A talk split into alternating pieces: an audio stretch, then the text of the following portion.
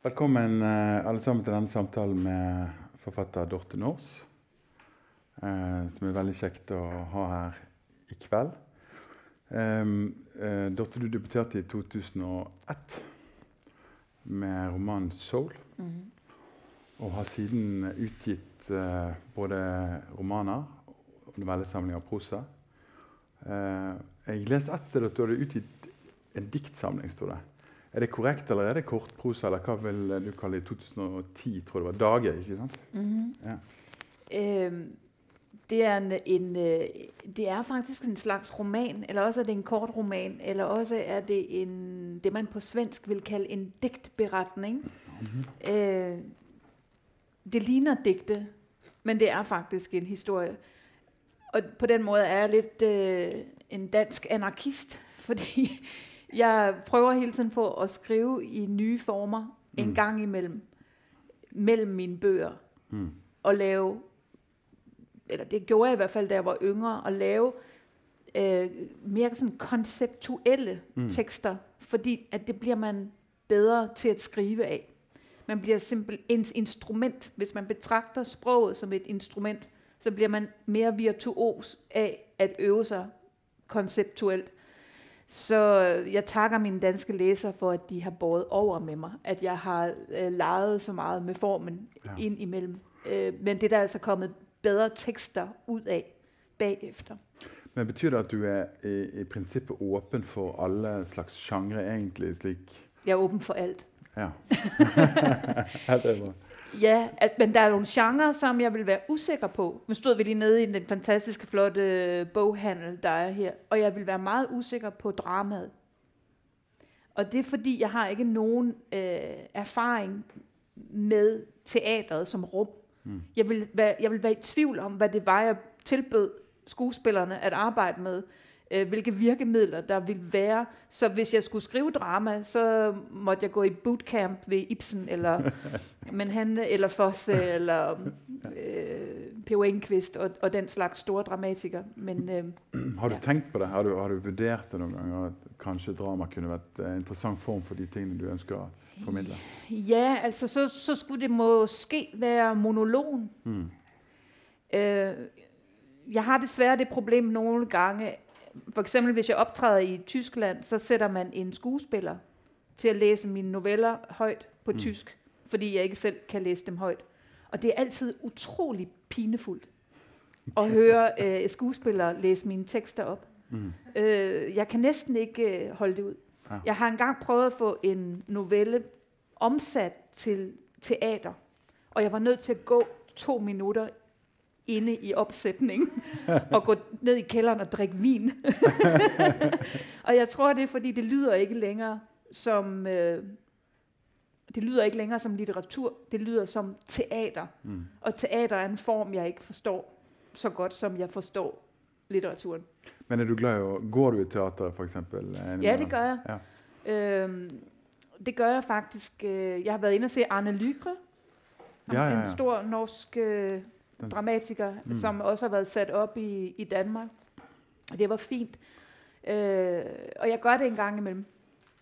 Nettopp. Ja. Ehm, du har jo også du har jo eh, flere novellesamlinger eh, i ditt forfatterskap. To. Ja. Og fordi, ja, Dage, du kaller det kortprosa eh, Hva var det du kalte det på Det, det blev kaldt en listeroman, Ja, den ok. Ah. kom i Danmark. En listeroman. Og, eh, men med din eh, novellesamling 'Kantslag', som Mhm. heter på norsk, i, som kom i 2008 i Mhm. Danmark Mhm. Den eh, også en novelle der som heter 'Hegren', Mhm. Som er publisert i The New Yorker. Mhm. Ja, og det, når var det den ble publisert der? Øh, september 2013. A milestone. Ja, Milestone, ja. ja, Derfor kan jeg huske det. ja. Ja. Og den, eh, den novellen der, den, altså, Det at det blir publisert der, det er, er det, kan man kalle det et sånn internasjonalt gjennombrudd? Fordi at jeg har forstått at det er ingen andre dansker som har fått publisert en tekst der. Ja, jeg var den første dansker, der fik en novelle i The New Yorker, og er stadigvæk den eneste dansker, der har, publicerer i den. Og der er noveller fra den her kort over Canada, har jo også, der er to af dem, der har været i The New Yorker. Øhm, Det er en meget, det er en speci- må jeg tage den her, så folk kan se? mm. Det er en meget speciel historie med uh, Kanslag fra 2008, for da den kom i Danmark, fik den gode recensioner. Kalder I det? Anmeldelser Ja, kalder vi for det i Danmark. eksempel, ja. Ja. Mm. Men der skete ikke mere med den, og så var der en britisk oversætter, som kontaktede mig og spurgte, om han ikke skulle prøve at oversætte nogle af dem. Fordi Mm. han vidste, at jeg havde opholdt mig i New York, hvilket jeg havde. Ja, du har boet i, du har boet i New York? Jeg har ikke boet der, jeg har opholdt mig der. Ja. At bo der er noget andet, men jeg har sådan været der i længere perioder. Mm. Øhm, og det sagde jeg, ja, det kan vi godt prøve. Og så oversatte vi novellerne en for en, og sendte dem til amerikanske magasiner. Ikke The New Yorker. Altså New Yorker var umuligt at komme i. Det ville vi overhovedet ikke bruge tid på. Mm. Så vi sendte dem til andre øh, amerikanske magasiner. Og hver gang vi sendte en novelle, blev den antaget. Og jeg kan huske, at jeg tænkte, de har jo ingen smag i USA. Anything goes. Øhm, så det var sådan en legeplads, hvor jeg kunne få lov at... Det var svært for mig at være forfatter i Danmark. Det var sådan lidt klaustrofobisk miljø, et meget lille land, meget lille litteraturmiljø, men i USA fik jeg lov til at prøve en masse ting. Så over seks år, det tog seks år, mm. hvor jeg øh, først fik jeg novellerne antaget en for en. Så blev jeg scoutet, som det hedder, Mm. mm. og fik et forlag, der hedder Grey Wolf Press, som er et af de bedre amerikanske forlag. Og de købte simpelthen hele bogen, og det var dem, der sendte. Hegren. De sendte de tre noveller, der Mm. ikke havde været udgivet i amerikanske øh, magasiner til The New Yorker, og så sagde de pick and choose, Mm. og så tog de øh, hejren. Mm. Øh, og det er, så man kan sige, USA havde opdaget mig. Mm. Der var, var et langt forløb, hvor USA havde opdaget, at jeg skrev øh, noveller, som de kunne bruge til noget. Mm. Men i Danmark opdagede man det først, da The New Yorker øh, antog den. Ja, for, for man har jo en lang tradisjon med dette å publisere noveller i, i USA i Mhm. diverse tidsskrifter. Mhm. ikke sant? Husker historien om Charles Bukowski som går rundt og sender inn novellene sine mens han Mhm. jobber på postkontoret. og, og sånne ting. At det kan liksom representere et gjennombrudd. Men hvordan um, forandret, endret livet seg etter eh, den eh, Når Danmark oppdaget deg pga. den publiseringen i, i New York, eller oppdaget novellene dine? Var det noe annet som endret seg da? Altså, jeg var godt klar over, at det var noget stort at få en novelle i The New Yorker.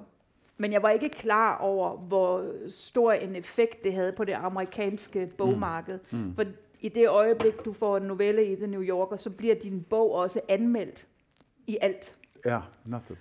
Så lige pludselig så åbner alle døre sig. Det var øh, en meget, meget magisk oplevelse. Og, og den, kom så den kom så til Danmark, men det er ikke første gang i dansk litteraturhistorie, at kunstnere og forfattere og arkitekter og sangere og musikere må ud af landet for at blive kendte, og så komme hjem. Det er en mærkelig dansk, øh, et mærkeligt dansk fænomen. Øh, Karen Bliksen, for Mm, eksempel, mm. Utzon, øh, virkelig mange danskere skal ligesom anerkendes ude før, at, øh, at der sker noget derhjemme. Mm. Så det skete også her. Altså, der var, øh, så blev den genudgivet.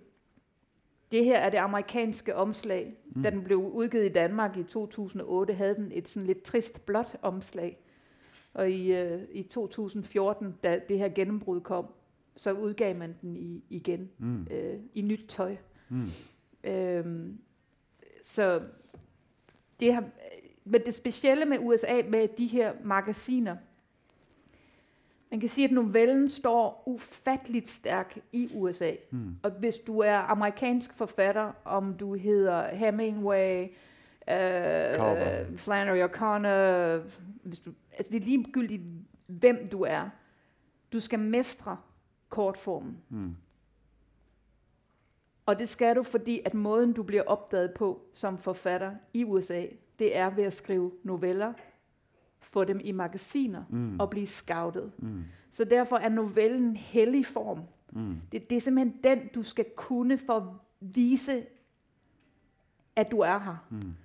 Og derfor, man elsker novellen på en helt anden måde, end man, jeg ved ikke, hvordan det er i Norge, men i hvert fald i Danmark, hvor den har været betragtet som en ikke-genre i en del år. Mm.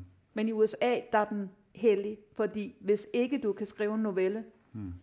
så kan du ikke skrive en roman, så kan du ikke skrive digte, så kan du ikke skrive. Mm. Men er det, tror du at det har med Hemingway å gjøre? Det der med at, var, det, var det et gjennombrudd for den amerikanske novellen? Det som, det som Hemingway gjorde? Var det da det begynte med all denne tidsskriftpubliseringen og sånne ting? eller? Nej. Altså, øh, New Yorker har udgivet en novelle om ugen siden 1925. Mm, ja. Så det, øh, det kan man ikke sige. Og Mark Twain skrev øh, noveller, og stort set, hvis du går hele den amerikanske øh, litteraturhistorie igennem, så har de øh, arbejdet med den her form. Mm. Øhm, jeg optrådte i Los Angeles en gang, hvor der var en, der spurgte mig, hvad det vigtigste er for novellen. Og nu ved jeg, at du skriver noveller også, så nu er jeg spændt på, om du nikker, når jeg siger det. Og der sagde jeg, at det vigtigste for novellen var presence. Øh, altså kraftigt nærvær. Du skal have en meget, meget stærk stemmeføring. En meget, meget hurtig kontakt til din læser. Det vil sige høj intensitet og nærvær. At du skal næsten føle, at fortælleren, forfatteren sidder så tæt på dig, og har så klar en stemmeføring, at det går lige ind, og det skal gå hurtigt. Mm. Øhm, og der kom en op til mig bagefter og sagde, presence, that's the number one important thing in American literature. Mm. Og jeg tror, det er fordi, at i amerikansk litteratur kan man ikke vente 4, 5, 600 sider på, at du bliver taget ind. Mm. Mm. Amerikansk litteratur vil have kontakt nu, Mm. Lige med det samme. Mm. Ellers så er short attention span, så er de væk. Ja. Ikke? Hvis Ja. ikke du øh, er tæt på mig ja. fra starten. Og eh, I denne forbindelse så kan jeg jo nevne at eh, Dorte Nors er ute med denne her eh, boken som på norsk heter 'Kart over Canada'. Som eh, er utgitt på Gyldendal nå eh, på norsk veldig nylig. Den kom ut i 2018 i Danmark. ja. Mhm, mhm. Og akkurat utgitt eh, her i Norge. Jeg fikk sikkert et av de første eksemplarene på, på norsk. Ehm, og eh, som leser så opplever jeg jo nettopp det du sier, at det er en sånn umiddelbar eh, etablering av stemning og karakter. Mhm. Sånn slik at det er veldig eh, tett på. Jeg er litt sånn spent på eh, sånn, Som novelleforfatter eller som har skrevet noen noveller, sånn, så er jeg jo liksom opptatt av også eh, noen av disse skikkelser som presenteres i denne her boken. Kunne du skrevet en roman om noen av de? Det er en god pointe, at, øh, at novellen jo giver en mulighed for at arbejde med virkelig modbydelige mennesker på kort plads. Øh, figurer, som jeg ville have svært ved at skulle sidde med på mit kontor i fire år. øh, der er novellen, også fordi jeg skriver meget korte noveller, perfekt til at gå ind i det psykopatiske sind, eller Mm. det morderiske sind, eller det kujonen, øh, den misogyne, øh, alt det her, øh, uden at skulle leve med det øh, derhjemme. Ja, nettopp. Øh, så ja, Det er en, eh, for det er jo, det er jo Du skriver jo i, i alle fall eh, i, i 'Kart over Canada' så er det relativt det er noveller på fire, fem, seks, Mhm. syv sider ikke sant? som er veldig fortettet og eh, veldig poengterte. Og også, vil jeg si eh, Det er liksom interessert i skikkelsene, fordi de er såpass subtile. Jeg får en sånn fornemmelse av det, og det er ikke så ofte jeg gjør når jeg leser noveller, at jeg har all den informasjonen jeg trenger Mhm. i underteksten eller i det som er, sies mellom linjene. At jeg kan, liksom, jeg kan forstå hvem denne personen har vært, hvem den er i dag, og hvorfor det ble på den Mhm. måten det ble. Og det synes jeg er, det er sånn eh, det er jo, I Norge så føler jeg at novelletradisjonen at eh, Fare for å såre noen har kjørt seg litt fast. Altså Man fant en, på en, måte en, en slags strategi med Kjell Askildsen. hvis du mm, Ja. Kjell Askild, ja. at det liksom går litt sånn fast der. Men jeg syns at eh, du liksom tilfører noe nytt til en sjanger jeg er redd for at bare liksom gått litt tapt i som du sier, Flannery O'Connor, uh, Mhm. Raymond Carver, Hemingway. Mhm. Men det er et eller annet med, med presisjonsnivået som jeg syns er veldig høyt. da. Så jeg lurte på om jeg kunne be deg om å lese Mhm. noe. Jeg har jo en uh, favorittnovelle der. Um, eh, det er da eh, den som heter 'Langs små asfalterte stier'. Ja. som jeg kan, håpte vi kunne lese litt fra og snakke litt om. Skal vi se, om jeg kan finde den her. Det er på side, Ja, den begynner på side 80 og noe. Cirka. Skal jeg bare læse fra starten? Ja, hvis den har jeg, det du vil. Du det er min lille, min lille læseeksemplar her. Ja, Så må du stoppe mig. Ja. Og jeg kommer ikke til å stoppe deg. du kan se her, jeg har læst af den tit til festivaler. Jeg plejer at stoppe der, så ved du det. Ja, det er perfekt. Den 1. juni fik Ejner konstateret kræft. Den 2. juni ringede Alice til omgangskredsen og fortalte, at Ejner havde fået konstateret kræft, og at dømme efter hans afmagring var der intet at stå imod med, hvorfor kræften måtte være terminal. Under alle omstændigheder ville det være bedst, hvis Ejner, der var ugift og barnløs, hurtigst muligt kom på hospice, mente Alice. Hendes egen mand var død på hospice, og det var hans bedste tid, sagde hun i telefonen, når omgangskredsen satte sig tungt i sofaen eller på en køkkenstol med et stakkels Ejner. Den 5. juni gik Alice af de små asfalterede stier i kvarteret hen til Ejner, hvor døren aldrig var låst. Hun gik gennem haven og ind i køkkenet, og her fandt hun den syge med en snaps og en serut. Den syge virkede angst og viljeløs, og Alice mødte ham med tynde, varme hænder og et fast blik. Så røg de sammen, mens Alice fortalte om, hvordan svær sygdom skulle håndteres. Hendes far havde været tandlæge. Der var ikke andet end at tage tingene, som de kom. Men Ejner var fjern i blikket. Han stirrede på fuglebrættet uden for vinduet og sagde, da mor døde, besøgte en rødkælk brættede. Hele den vinter kom fuglen. Det var mor, der besøgte mig. Samme aften ringede Alice rundt og fortalte, at hun var bange for, at Ejners cancer havde metastaseret til hjernen. Den 10. juni var Ejner med sin søster til samtale hos lægen angående behandlingsmuligheder. Det var om formiddagen, og lægens besked lød, at så længe han tog sig en snaps, kunne de ikke behandle ham. Om aftenen samme dag ringede Alice til alle og sagde, at søsteren havde fundet tomme snapseflasker og fladklemte rødvinshåndtasker i den syges hjem, men ikke meget mad. Den, der ikke spiser, kan ikke helbredes, forklarede Alice så, at hendes far altid havde sagt. Hun havde også altid selv sagt det, dengang hendes søn var lille. Man skal have noget at stå imod med. Dagen efter gik Alice af de små stier i kvarteret hen til den syge, som sad skævt på en stol i køkkenet og talte om alle de år, han glædede sig til at leve i. Fremtiden foldede sig ud for Ejner, og han fortalte om den i tågede billeder. På bordet lå nogle nervetabletter, lægen havde ordineret. Han fingererede ved dem og udlagde, hvad der skulle plantes i køkkenhaven til næste år. Han fortalte også om, hvordan han nu ville blive helbredt. En kvinde, han gik til krokket med om tirsdagen, havde været forbi med en guide til, hvordan man kunne spise sig fri af sin cancer. Særligt citroner og natron kunne udvirke mirakler. Kvinden havde også haft forsyninger med. Alice skulle selv se efter, og det gjorde hun. Ejners køleskab var fuld af citroner og natron.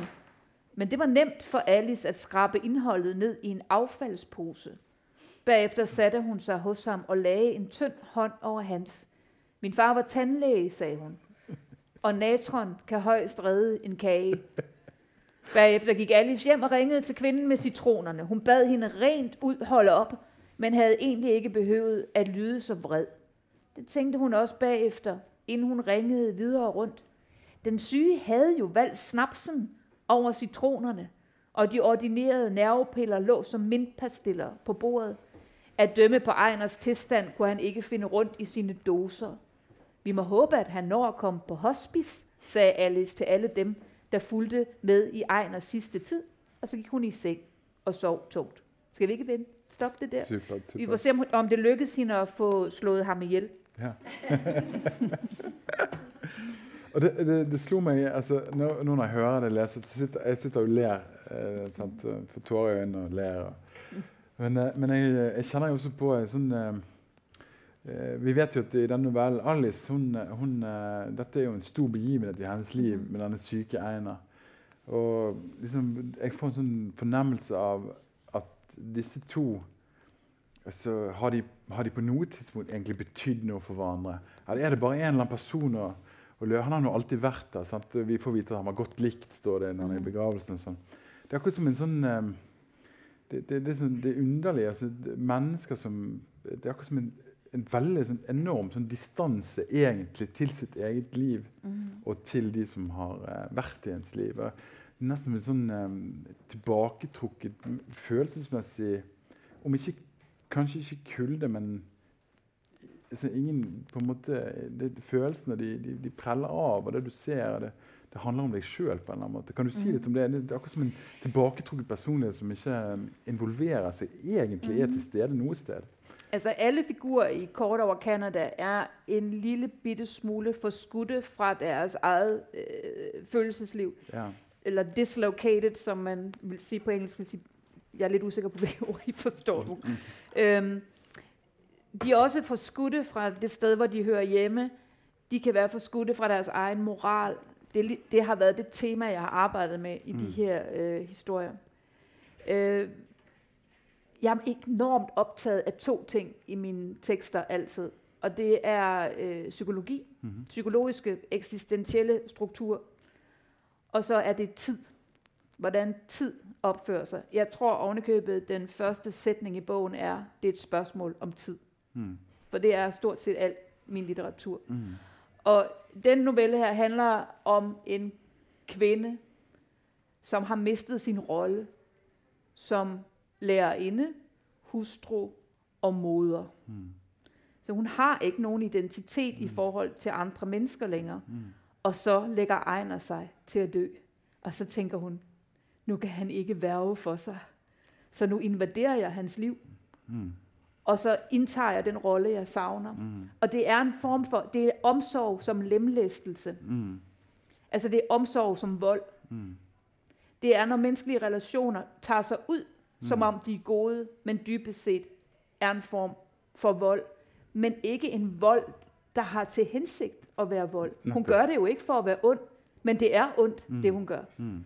For hver gang han siger, jeg har en fremtid for mig, han, han ved godt, han skal dø, men han vælger at dø ved at sige, det vil jeg ikke se i øjnene. Mm. Og det er jo et menneskes ret.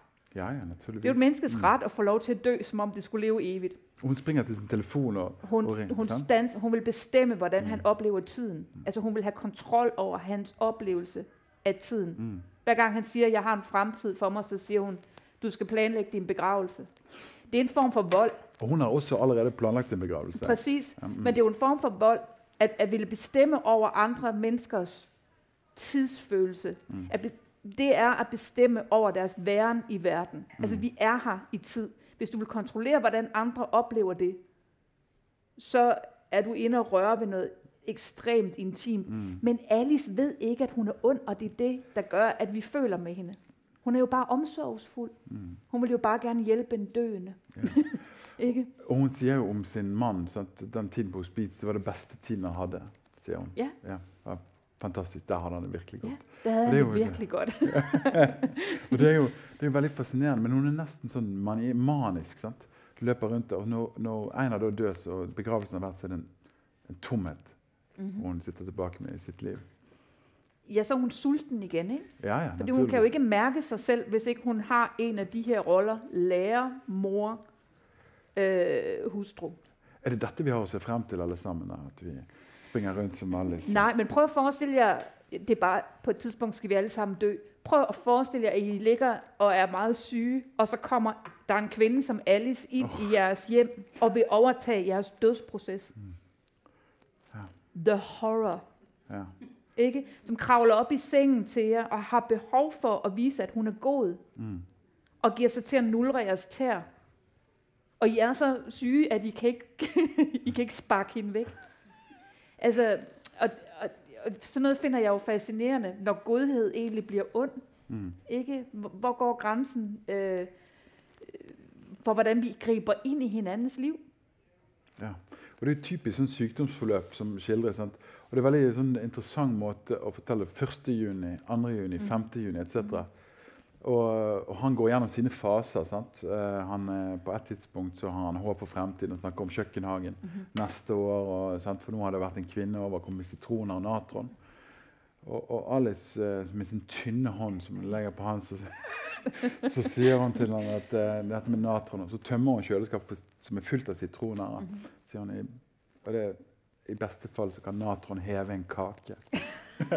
som, som er jo sånn altså, Det var jo Altså, jeg, jeg, jeg lo Men det er jo liksom det er noe, det er noe vondt der, da. Altså, Mhm. sant? altså, I disse menneskenes manglende evne på en måte til å være medmennesker på en sånn ordentlig måte. Da. Mhm. Det er i hvert fall sterkt det jeg opplever. Mennesket er en invasiv art Ja, forferdelig. i Forferdelig. hinandens Det liv. er så ikke? forferdelig. Og man, og man leser disse novellene så tenker man herregud, man får jo virkelig ikke håpe man oppfører seg på denne måten. Mhm.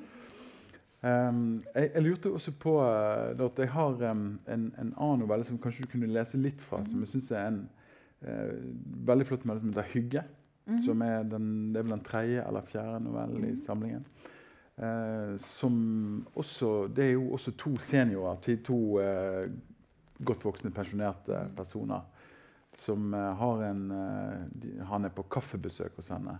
Hun har laget en sjokoladekake som er Mhm. myk inni. Mhm. Ja. Vil du lese litt fra den novellen? Skal jeg bare læse fra starten? Ja, gjør det.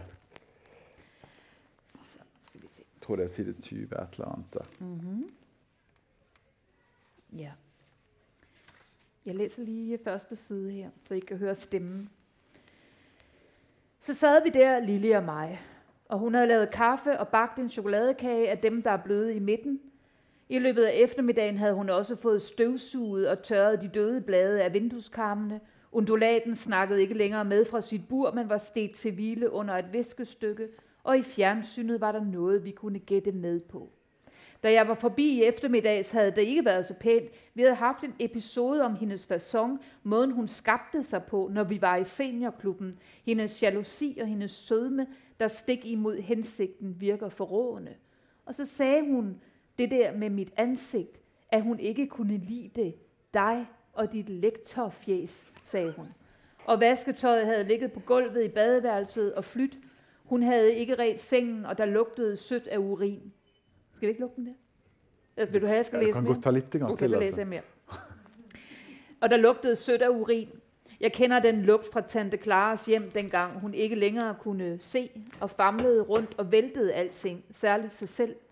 Det var som om noget dødt havde taget permanent ophold i kroppens celler og nu løb ud sammen med toiletbesøgende. Den slags satte sig i tapeterne, og lugten var der, når vi skulle hygge os med det saftevand, jeg selv kunne blande ude i køkkenet. Disse lange eftermiddage med fad saft, pebermyntebolcher og tante Clara, der ikke længere passede til sine tænder. Der er ting, man ikke glemmer. Måden vi sang af sangbogen på, og hendes transkriberinger af kongens nytårstaler, for eksempel. Og jeg har aldrig forstået, hvorfor tante Claras ensomhed krævede min involvering. Jeg var kun en dreng, og mens jeg sad der og fik lagt kong Frederiks ord i munden, var mine forældre vel sagtens i biografen. Du er så dygtig i skolen, sagde de. Den slags skal stimuleres, sagde de. Og så var tante Clara der med sine fingre i min nakke, skålen med sukkerknaller op under ansigtet. Tag en, min dreng. Tag to. Spis. Skal vi det? Ja, nydelig. Eh, eh, går det an å, å, å trekke noen altså si noen, noen Er det noen fellestrekk mellom de karakterene, disse skikkelser som du velger å skildre i, eh, i eh, 'Katt over Canada'? Ja, der er, der er helt sikkert den her fremmedgjorthed over for den anden. Og så er der øh, det, som jeg talte om som forskydning. Mm. Øh, I den her er der blandt andet forskydningen mellem den kvinde, han faktisk er sammen med nu, Mm. og en kvinde, han har kendt som barn, øh, som blander sig. Mm. Øh, så det kan man godt sige, at der er, når man starter med at skrive en novellesamling, så skal den helst have et form for tematisk spor, der går igennem alle En teksterne. rød tråd? på en måte? Ja, en form for, det kan jeg i hvert fald godt lide ved novellesamling, Mm. at man har en fornemmelse af, at man ikke er ved at læse 14 vidt forskellige øh, tekster, men at man er i gang med at undersøge et bestemt tema, der folder sig ud Mm. på forskellige måder, i forskellige figurer, i forskellige universer. Mm. Øh, jeg tror, der er meget ensomhed i alle karaktererne. Og en af måderne, den ensomhed manifesterer sig på, er jo ved, at vi er kravlet ind i den enkeltes indre liv. Mm. Og derinde er vi helt alene. Og jeg oplever også, som du bare. jeg opplever en enorm ensomhet. Eh, Jeg tror temaet for denne samtalen også var på utsiden. sant? Eh, Jeg tror det var det som s- sto et sted. Men, men det er jo nettopp det at det er en enorm ensomhet, og det er, en, det er et veldig problematisk ofte forhold til andre. Altså, det er ingen, ingen nære, kanskje ingen tette relasjoner.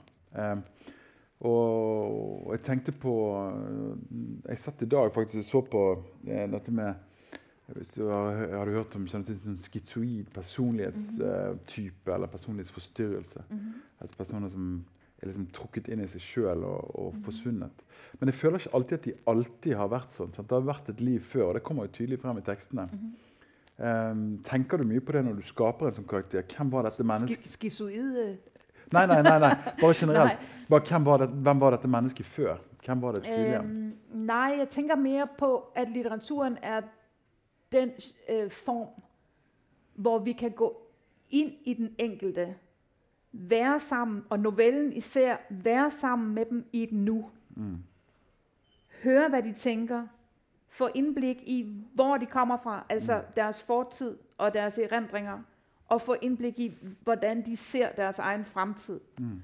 Og uanset om folk bryder sig om det eller ej, så er det et faktum, at vi er alene. Det betyder ikke, at vi ikke har kontakt og nærhed og intimitet og forhold og relationer, der kan gøre den ensomhed eller den, den sted alene i verden til noget, vi kan udholde. Men hvis vi går ind i alle jeres hoveder, så vil der være historier, som kun I ved. Der er ingen andre i hele verden, der ved præcis, hvordan der var den onsdag i første klasse, hvor I faldt på det fortog og slog jer. Det er kun jer, der har den erfaring. I kan dele den med andre, som også har faldet og slået sig. Men det er en historie, I bærer alene, og alle mennesker bærer myriader af historier og sansninger og erfaringer, mm. som de bærer selv. Og det er ikke trist, fordi det skal vi jo kunne. Det er en del af at kunne være mennesker og være i verden, at vi kan det. Mm. Men novellen er som form utrolig velegnet til at besøge de steder. Fordi de steder er også tit meget ubehagelige. Mm. Øhm, en af novellerne, det vil jeg være sikker på, at jeg siger, fordi jeg var, var meget, meget inspireret af en norsk novelleforfatter. Og nu tænker jeg som Kjeld Askildsen, fordi det er ham, man altid nævner. Men, men da jeg var ung, der læste jeg Johan Borgen. Mm. Har I læ- læser I ham Mm. stadigvæk? Og det er faktisk nogle af hans noveller, som gav mig lyst til at skrive noveller. Mm. Øhm, og en af novellerne i den her hedder Caprifolium. Mm. Og han har skrevet en novelle, der hedder Caprifolium, mm. som er enestående god.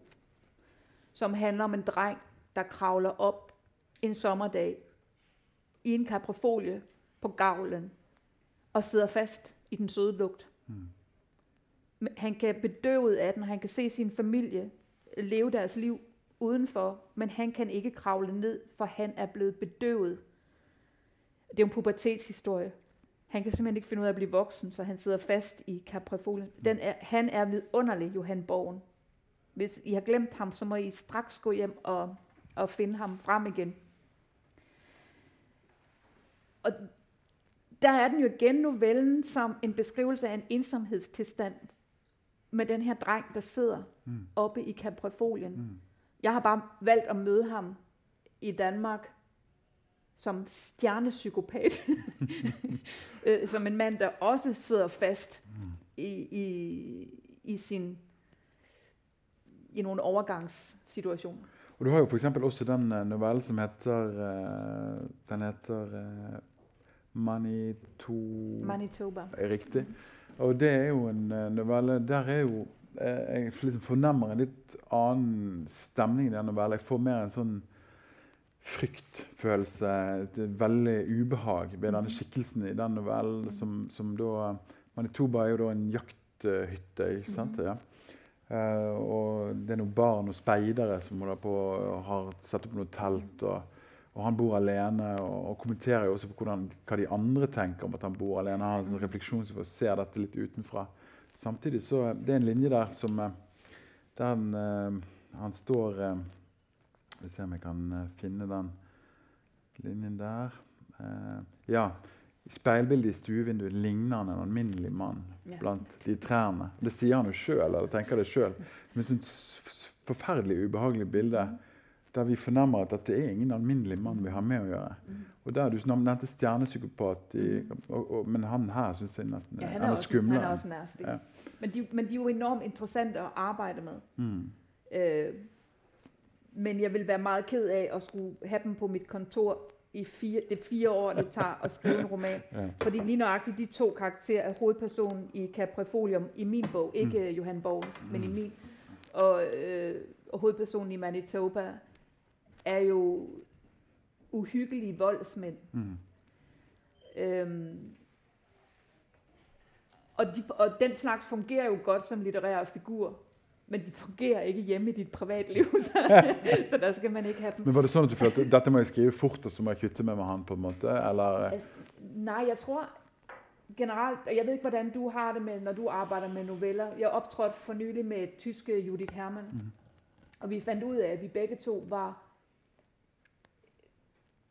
når vi skriver noveller, så er det fordi, vi hører en sætning, og den sætning er god og optager os, og så gemmer vi den på et eller andet mentalt øh, lager. Mm. Og så går der måske to, tre, fire, fem år, mm. hvor den bare ligger, og vi ved, at der skal skrives en historie mm. om det her mm. en dag. Mm. Og lige pludselig så er den moden, og så kommer den ud næsten i en bevægelse. Mm. Øhm, det kan jeg, sådan kan jeg ikke arbejde med romaner, mm. men noveller kan godt ligesom, det er ligesom at smide et sandkorn ned til en, en øh, østers, mm. og så ligger den og, og modner og danner en, en perle. Så, så det er ikke sådan, at jeg sidder og tænker, jeg skal skrive om en psykopat. Nej, nej. øhm, I uh, Caprifolium er det en situation, jeg oplevede, da jeg opholdt mig i New York, mm. i uh, det hasidiske uh, nabolag i New York, ja, ja, ja. Mm. Uh, hvor jeg havde en oplevelse med en mand, der sagde en sætning ved siden af mig, som var så creepy, at jeg bare... og det er 10 år siden. Ja. Hvad så han? Så den har ligget der i 10 år. Husker du, hvad han sa fortsat? Han, øh, han talte øh, meget, meget øh, erotisk omkring, hvor tildækkede de var. Mm. Han, øh, han blev seksuelt ophidset af, at de var stort set helt tildækket. Og jeg fik det indtryk, at det der ophidsede var, at det jo var hans opgave at få tøjet af dem. Altså, ja. det var han, at hvis han kunne vække det seksuelle dyr i dem, mm. så havde han magten over dem. Og i Capifolium, han blev jo sammen med en blind kvinde, eller en ja. svagsynt kvinde. Ja. Uh, det er det han på en måte Og det er jo en, en uh, Man leser jo også om de har sex uh, i en scene der. Mm. jeg syns det er en forferdelig ubehagelig mm -hmm. tekst. Altså, han, er han er jævlig nasty. men, men, men, det er jo en um, veldig, sånn, veldig sånn nærværende tekst. Og dette maset om disse hasidiske kvinnene og, og disse, den tildekketheten. Mm. trengs det en sånn altså, Kunne du på en måte kommet på dette tror du, selv uten å ha hørt noen si dette? Kunne du fabrikkert det sånn helt på Eller må det være en sånn noen som sier noe for å sette dette sandkornet i gang til å modne? Jeg er meget avhengig av å bli pirret av, av virkeligheten. Mm. Øh, I i Kanslag var det en novelle der, som også var fra New York, som, hvor jeg hørte en setning i, uh, i Subwayen, som, som satte hele øh, samlingen i gang, faktisk. Mm, mm. Hvor en, der sidder en hjemløs mand i subwayen, mm. og han er faldet i søvn, og han ryster. Du ved, når man, hvis man er ek, ekstremt stresset, og så slapper af, så laver man sådan nogle, hvad kalder I det? Vi kalder dem spjæt, på den, sådan nogle, hvor tak. nerverne og musklerne ligesom ja, ja, slipper. Ja. Og han havde været meget stresset, så han lå og rystede. Så sidder der en mand overfor, og så siger han, så kigger han på den hjemløse, og så siger han, det er, når man ser på sådan en som ham, at man forstår, at mennesket i virkeligheden er dyr. Og jeg kan huske, at jeg tænkte, det er så uhyggeligt sagt. Mm. Fordi han burde tænke, det er, når man ser på ham, at man virkelig forstår, at han er et menneske. Mm. Ikke? Og at jeg burde føle empati med hans situation, og hans stress, og hans angst, og hans udsathed. Mm. Og så tænker jeg, den sætning, den... og så lå den dernede mm. i fem år. Ja, ja, ja, Og når ja. den så kommer op igen, så kommer den op ved en far, der siger det om en mor. Hvor, hvor, der står en datter, og så siger faren, når man ser på mor, når hun ligger der og ryster, så kan man se, at mor i virkeligheden er et dyr. Mm. Og så forstår vi, hvor ondt det er. Mm. For man kan jo ikke kalde så nær en relation for et dyr. Mm, mm. Øhm, så, så det har bare ligget dernede, og så er det bare skiftet fra, at det er en fremmed mand i en subway, til at det er en ekstrem tæt relation, Mm. der siger det. Mm. Og det er det, der sker på de fem år, det ligger på lager Mm. hernede. Ikke? Øhm, sådan arbejder jeg ikke med, med, med romanen i samme grad. Det er en helt andet stræk. Men det er også, jeg snakkede med, da jeg talte med Judith Hermann om det, så var vi enige om, at der er en dyb lykke i at arbejde med tekst på den måde, at der er en hurtig exit. Mm. At man kan gå ind i det, man kan lave noget, der er komplekst og stort, og så kan man Forlate det. forlade det igen. Mm. Og vi sad i et rum som det her, hvor der var sådan nogle exit-skilte. Altså vi pegede helt instinktivt begge to på, vi elsker det skilt. Ikke? Ud af historien, Mm. ind i historien, ud af den igen. Og hvor lang tid, eh, for, eksempel en sånn novelle som Caprifolium, vet du, fra du satte deg ned og skrev på en måte teksten ut, hvor lang tid brukte du på, på å fullføre det? Altså selve, selve skitsen, som Ja, er øh, seks sider lang, Mm. har taget en eftermiddag. Ja. To, tre timer, Mm. og så ligger den, Og så redigerer du, eller så arbeider du? ja, så skal den ligge et stykke tid. Ja, du gjør det, ja. Du legger ja, det fra så, deg. så skal den ligge, for ellers så kan jeg ikke se, Du trenger avstand til Ja, eller? man kan blive enormt forelsket. Man kan sådan gå rundt inde i sin kontor og sige, åh, jeg vinder Nobelprisen, jeg er brilliant. Og, sådan, ikke? Og, så, og det er jo bare fordi, man er skør, ikke? og så lægger man det over, og så tre dage efter, så tænker man, hold kæft, noget lort. Det er jo simpelthen det værste. Ikke? Så derfor er man nødt til at lade det ligge, fordi man jo er sindssyg i gerningsøjeblikket, når man har skrevet det. Øh, og så er det først bagefter, Mm. Øh, at man kan se, hvad der virker og hvad der ikke virker. Så jeg skriver det på en eftermiddag, så lader jeg det ligge, så læser jeg det igen, og så arbejder jeg det færdigt. Arbeider du med noe nytt eh, nå? eh, Skriver du på noe nytt? Ja, Ja, så bra. altid. Ja. Jeg, jeg er i øjeblikket ved at lave en bestillingsopgave på en essay-samling. Mhm. Er det, blir det din første essaysamling? Eller har Ja, du- det gør, det gør det, og det, det er lidt en opgave, jeg har taget på mig for at prøve. Jeg har skrevet mange essays til udenlandsk presse, altså til, til britiske og amerikanske magasiner, og kan faktisk godt lide det. Men når jeg laver en essaysamling, nu er der to grunde til det. Den ene er, at man hele tiden, som jeg nævnte i starten, skal prøve at bryde sin form Mhm. for at blive bedre til at skrive. Mm. Man skal ikke skrive den samme bog igen og igen, og derfor er man nødt til at komme ud af sin comfort Mm. Så det er det ene. Det andet er, at der er nogen, der vil betale mig rigtig mange penge Ja, for at skrive den. og hvis jeg gør det, så har jeg øh, to år, hvor jeg bare kan hellige mig den roman, jeg også er ved. Mm. Så praktisk og, og også kunstnerisk udfordrende. Ja. Mm. Og eh, nå eh, tror vi eh, er cirka sånn det veisen Jeg bare så på den. Ja, ok. Em, og eh, det blir da boksignering, boksalg, nede i boksalongen. Mhm. Jeg regner med at eh, samtlige tar med seg en bok. Det er det god grunn til. Jeg hadde stor stor glede av å lese både 'Kantslag', som også foreligger på norsk, og uh, 'Kart over Canada', som jeg syns var fantastisk. Men jeg må spørre deg til slutt. Mhm. eh, eh, jeg så tittel 'Kart over Canada', og så Mhm. eh, hentet boken. Så lå den noen dager før jeg åpnet den. Og, det så, og tok boken, så begynte jeg å nynne på Johnny Mitchells eh, A Case, Case of You. Ja. Og så står det jo faktisk her eh, på de første eh, i eh, sitatet her fra Johnny Mitchells eh, A Case of You, som er jo treffende nok. On the back of a cartoon coaster in the blue TV screen light, I drew a map of Canada. og Canada. Og akkurat i det hun synger det der, det er jo et fantastisk musika ah, musikalsk øyeblikk. Var, du, var, det noe inspirasjon å hente fra Johnny Mitchell utover det, siden det nå står her? Der? Altså, jeg hører stort set kun Joni Mitchell, når jeg kører bil. Ja, Aldrig når du skriver? Nej. Al, altså, jeg kører rigtig meget, jeg bor ved Vestkysten, jeg bor langt fra København, men jeg er i København meget ofte. Og så hører jeg Joni Mitchell, så jeg kan stort set hendes Er det altid blø, er det altid bløpladen, du hører på? Nej, det er alle sammen, alle ja. studioalbum. Øhm, hun er så god at køre til, fordi man kan synge med, og teksterne er komplicerede nok til, at man kan holde sig vågen, mens man kører. det er vigtigt, ja. Øhm, lige nøjagtigt det uddrag her fra, øh, fra A Case of You, udover det er måske min yndlingssang i hele verden, mm. den er øh, meget, meget smuk, så fungerer det jo også som en novelle i sig selv. Altså, mm-hmm. så mhm. kort kan en novelle være. Mm. Prøv lige at læse det igen. Jeg har mine briller. On the back of a cartoon coaster, in the blue TV screen light, I drew a map of Canada. Oh, Canada. Så kort kan en novelle være. Altså, hun skriver jo, hun skriver jo verdenslitteratur.